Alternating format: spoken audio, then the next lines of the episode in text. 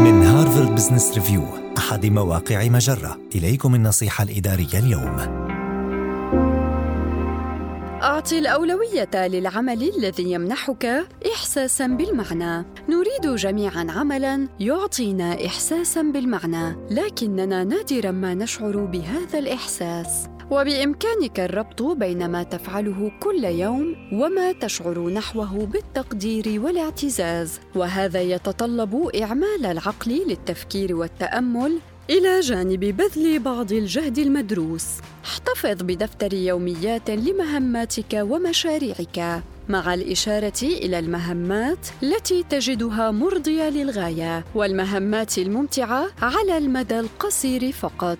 على سبيل المثال، هل تشعر بالإنجاز عند إلقاء عروض تقديمية على العملاء؟ هل تشعر بالحافز عند توجيه الموظفين المبتدئين وتدريبهم؟ ثم احرص قدر الإمكان على إعطاء الأولوية للعمل الذي يتوافق مع قيمك. فإذا كانت مساعدة الآخرين على النمو تشكل جزءاً من هويتك المهنية، فاجعل التوجيه أحد أنشطتك الأسبوعية.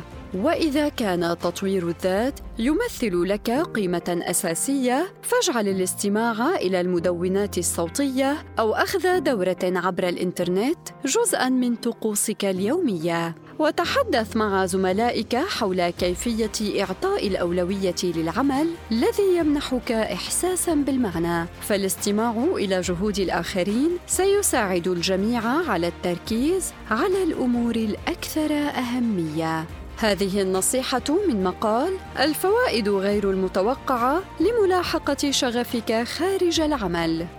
النصيحة الإدارية تأتيكم من هارفارد بزنس ريفيو أحد مواقع مجرة، مصدرك الأول لأفضل محتوى عربي على الإنترنت.